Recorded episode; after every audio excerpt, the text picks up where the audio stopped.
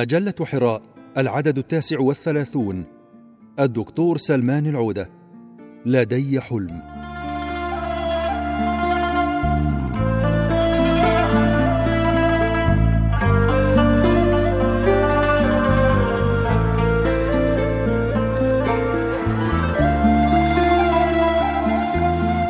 عندما سجل الصبي المعدم حلم الطفولة أن يمتلك حقلا وخيولا ومضمارا شطب المعلم على درجته وحرمه من متعة الحلم كيف تحلم بهذا وأنت لا تمتلك قيمة الدفتر الذي تدون فيه حلمك والذي كان هدية من جمعية خيرية؟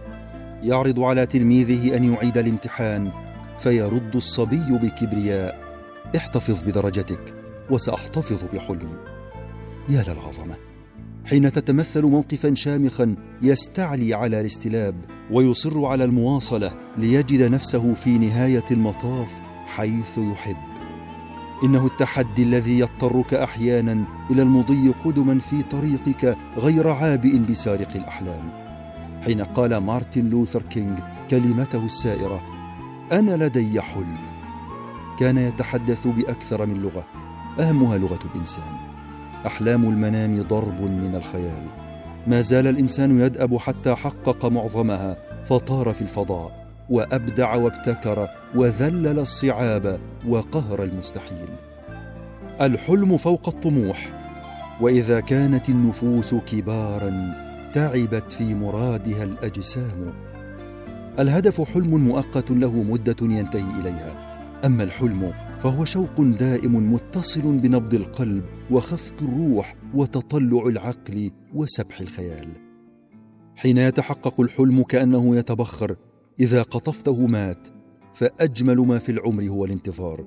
لحظات الترقب مشحونة بتفاعل غريب هو ذروة الحياة. سيظل الحلم حلما يروى بدموعنا ويقتات من سهرنا ويستحوذ على يقظتنا ومنامنا. كان مارتن لوثر كينج يقول سأزرع شجرة التفاح ولو كنت أعلم أن نهاية العالم هي الغد وهو اقتباس من مكنون الحكمة الإنسانية الرفيعة. مشكاة النبوة كانت أبلغ حين قال صلى الله عليه وسلم في الحديث الصحيح الذي رواه أحمد والبخاري إن قامت الساعة وبيد أحدكم فسيلة فإن استطاع الا يقوم حتى يغرسها فليفعل.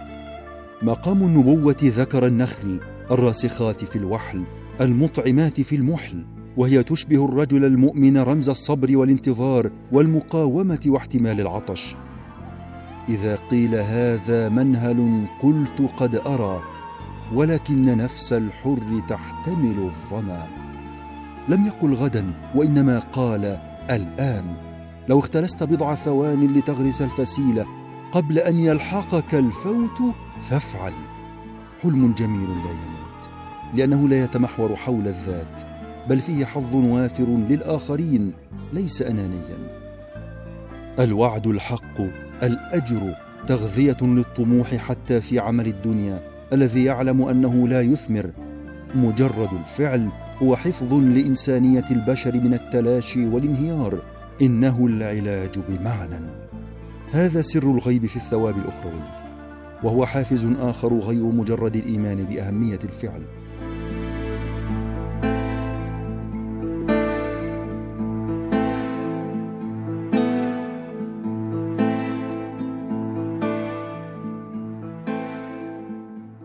الحلم نقلة من ضيق اللحظة إلى سعه المستقبل من الإحباط إلى الأمل والتفاؤل من الخوف إلى الرجاء والتطلع. الطفل الفقير يحلم بتفاحة يقضمها أو فراش وثير ينام عليه أو دمية يلعب بها. الخائف يحلم بالأمان ولا يفكر بما سواه والمخاوف هي عدو الأحلام وحينما يستحوذ الخوف يبدو المرء مكبلا بالقيود. قد يعيش المرء في زنزانة يراها ويلمس قضبانها ويحس بأنه محبوس وقد يعيش في زنزانة لا يراها ولا يلمس قضبانها ويظن بأنه حر وهو قن مثقل بأوزار الحديد. تأمل لغتك. كم مرة في اليوم تقول نعم ولكن أخشى. العائلة حلم جميل. إشباع لرغبة الامتداد الإنساني ورؤية الذات في الآخر بشكل منفصل جسديا متصل روحيا ووجدانيا. قمة الهرم الثقة بالنفس وقدراتها والجرأة على بدء الخطوات الأولى نحو الحلم العظيم. أعلل النفس بالآمال ارقبها ما أضيق العيش لولا فسحة الأمل. ثم من يحاصر الحياة؟ وأسوأ منه من يحاصر الأحلام فلا يريد من الناس أن يحلموا. أو أن يمتد خيالهم إلى أبعد من معاناتهم اليومية. السعادة حلم والنجاح حلم والحرية حلم. حتى لدى الطائر يضرب شباك القفص ويرنو إلى الفضاء. أو القط يموء ويتمسح بالباب يطلب الانعتاق من ذل القيد. والعدالة حلم المجموع. حين تذوب الفوارق المصطنعة ويتساوى الكل أمام سلطة الدنيا أو سلطة الآخرة. ولقد قلت لنفسي وأنا بين المقابر هل رأيت الأمن والراحة إلا في الحفائر؟ فأشارت فإذا للدود عيث في المحاجر. ثم قالت أيها السائل إني لست أدري. انظري كيف تساوى الكل في هذا المكان وتلاشى في بقايا العبد رب الصولجان والتقى العاشق والقالي فما يفترقان شعورك بأنك يجب أن تضيف شيئا إلى الحياة أنك تعيش مخلصا لحلم تنتظره هذا يكفي. منى إن تكن حقا تكن أحسن المنى وإلا فقد عشنا بها زمنا رغدا. أماني من سعدى عذاب كأنما سقتنا بها سعدا على ظمأ بردا. أن تكون مثالا لمبدع أو متفوق أو نمطا جديدا يفتح افاقا لآخرين أو نموذجا مركبا من نماذج عديدة.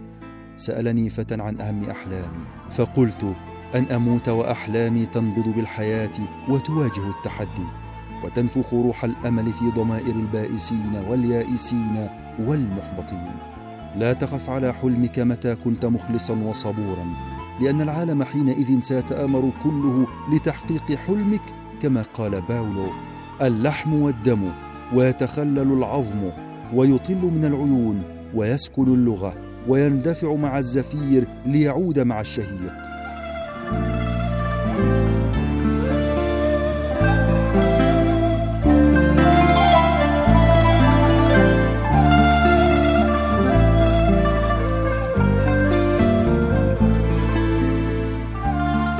الفتى يرسم الحلم في سيارته أو دفتره والفتاة ترسمه في غرفتها أو شنطة يدها. وقبل هذا يجب أن يكون مرسوما في سويداء القلب وأعماق الوجدان ومسكن الروح.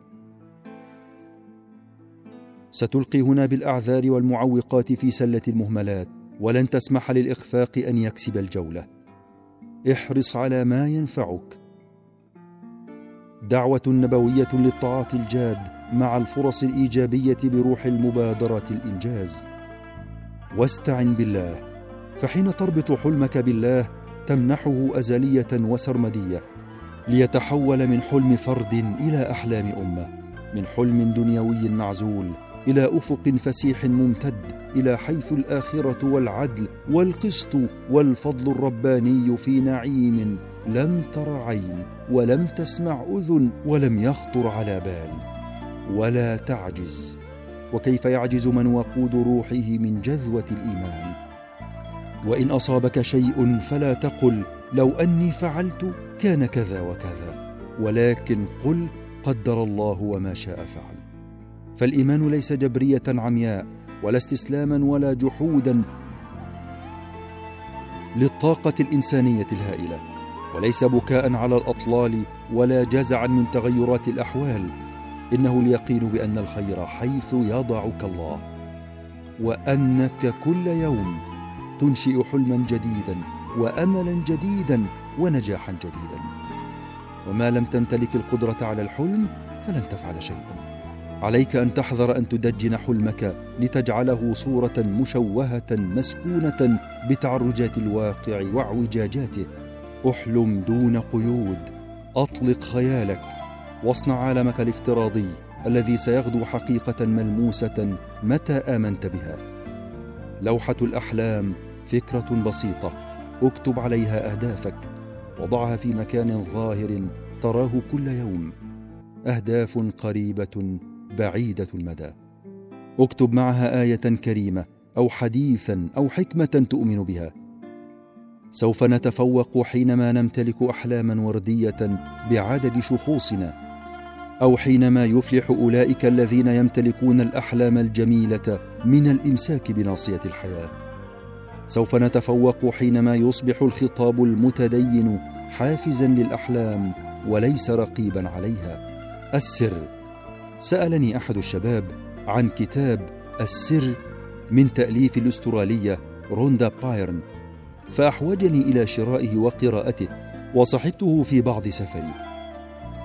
فرأيت نظرية تقوم على تحفيز كوامن النفس للتفاؤل والعمل والثقة بأن ما يريده المرء أو يحاوله ممكن.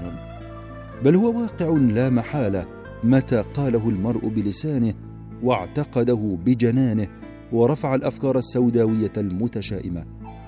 وأن على الإنسان أن يكرس ذهنه وفكره لما يريد وما يحب أن يكون وليس على ما يكره أو ما يحاذر ويخشى. وذكرني هذا بكلمة للإمام ابن القيم في مدارجه يقول فيها لو توكل العبد على الله حق توكله في إزالة جبل عن مكانه وكان مأمورا بإزالته لازاله وذكرني أيضا بالكلمة السابقة لمارتن لوثر أنا لدي حلم ولم يقل أنا لدي مشكلة. نعم كان هناك مشكلة ولا تزال. بيد أننا إذا دخلنا الحياة من بوابة المشكلات دخلناها من أضيق أبوابها. وجدت فكرة الكتاب في الأصل فكرة بحاجة إلى أن نرسخها في ضمائرنا بعيدا عن الجدل حولها حتى لا يخبو وهجها ولا تنطفئ روحها. نفعل ذلك لأن هذه الفكرة هي أحد المحفزات الحقيقية للعمل والإنجاز والصبر.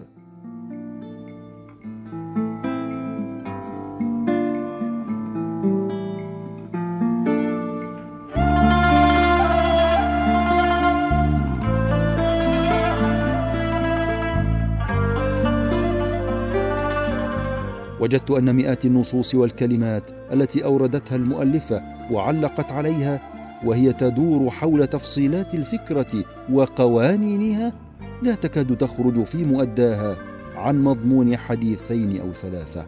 أحدها قول الرسول صلى الله عليه وسلم في رواية عن ربه جل وتعالى في الحديث القدسي أنا عند ظن عبدي بي كما في صحيح البخاري ومسلم. وفي لفظ فليظن بي ما شاء كما أخرجه أحمد وابن حبان والحاكم. وفي لفظ إن ظن بي خيرا فله وإن ظن شرا فله. إن الظن هنا يشمل الدنيا والآخرة وحسن الظن من حسن العمل. وحين نذهب إلى ترسيخ فكرة علينا ألا نوغل في حكحكتها أو نفرط في افتراض ضوابط واستثناءات لأنها تبهت أو تموت. وإذا استقرت الفكرة سهل بعد تعديلها وتصويبها. والحديث الثاني قول الرسول صلى الله عليه وسلم ادعوا الله وأنتم موقنون بالإجابة. وهو حديث لا بأس بإسناده وأخرجه الترمذي والطبراني والحاكم. والمعنى أن يدعو العبد وهو موقن بان الله سيجيبه وليس على سبيل التجريب أو الشك أو التردد. وكان عمر رضي الله عنه يقول إني لا أحمل هم الإجابة ولكن هم الدعاء. فإذا ألهمت الدعاء فإن معه الإجابة. وأرى هذه الكلمة من إلهاماته رضي الله عنه وكأن مقصوده ليس مجرد التلفظ بألفاظ الدعاء. هذا حسنا وصاحبه مأجور وإن كان. بل ما هو أبعد من ذلك من استجماع القلب والفكر على الثقة بالله وصدق وعده في الكتاب الكريم وقال ربكم ادعوني أستجب لكم. سورة غافر الآية الستون. امن يجيب المضطر إذا دعاه؟ سورة النمل الآية الثانية والستون. وإذا سألك عبادي عني فإني قريب أجيب دعوة الداع إذا دعان فليستجيبوا لي وليؤمنوا بي لعلهم يرشدون. سورة البقرة الآية السادسة والثمانون بعد المئة. إن النظرة السوداوية كفيلة بسجن صاحبها في قبو مظلم مكثف الرطوبة فاسد الهواء. يذكرك بالقبر الذي وصفه بدر السياب بقوله أماه ليتك لم تغيبي تحت سقف من حجار. لا باب فيه لكي أدق ولا نوافذ في الجدار. وكأنه استعجل الموت قبل أوانه. ولا غرابة أن تجد ضحايا التشاؤم والانعزالية والانغلاق النفسي يرددون عبارات الحنين إلى الرحيل دون مناسبة. بل وينتقدون من يحاول حرمانهم من هذه المتعة الوحيدة المتبقية لهم في الحياة إن صح أنهم أحياء. وفي الحديث وقد سئل صلى الله عليه وسلم من خير الناس؟ فقال من طال عمره وحسن عمله. أخرجه أحمد والترمذي وابن ماجه. وفي آخر لا يتمنى أحدكم الموت ولا يدعو به من قبل أن يأتيه. إنه إذا مات أحدكم انقطع عمله وإنه لا يزيد المؤمن عمره إلا خيرا. أخرجه البخاري ومسلم. والحياة نعمة امتن الله بها على الأحياء. وكان النبي صلى الله عليه وسلم إذا استيقظ من نومه شكر الله وقال الحمد لله الذي أحيانا بعدما أماتنا وإليه النشور أخرجه البخاري ومسلم. إن الاتصال بهدي الأنبياء ليس زادا إلى الآخرة فحسب بل هو زاد إلى الحياة الطيبة في دار الدنيا كذلك.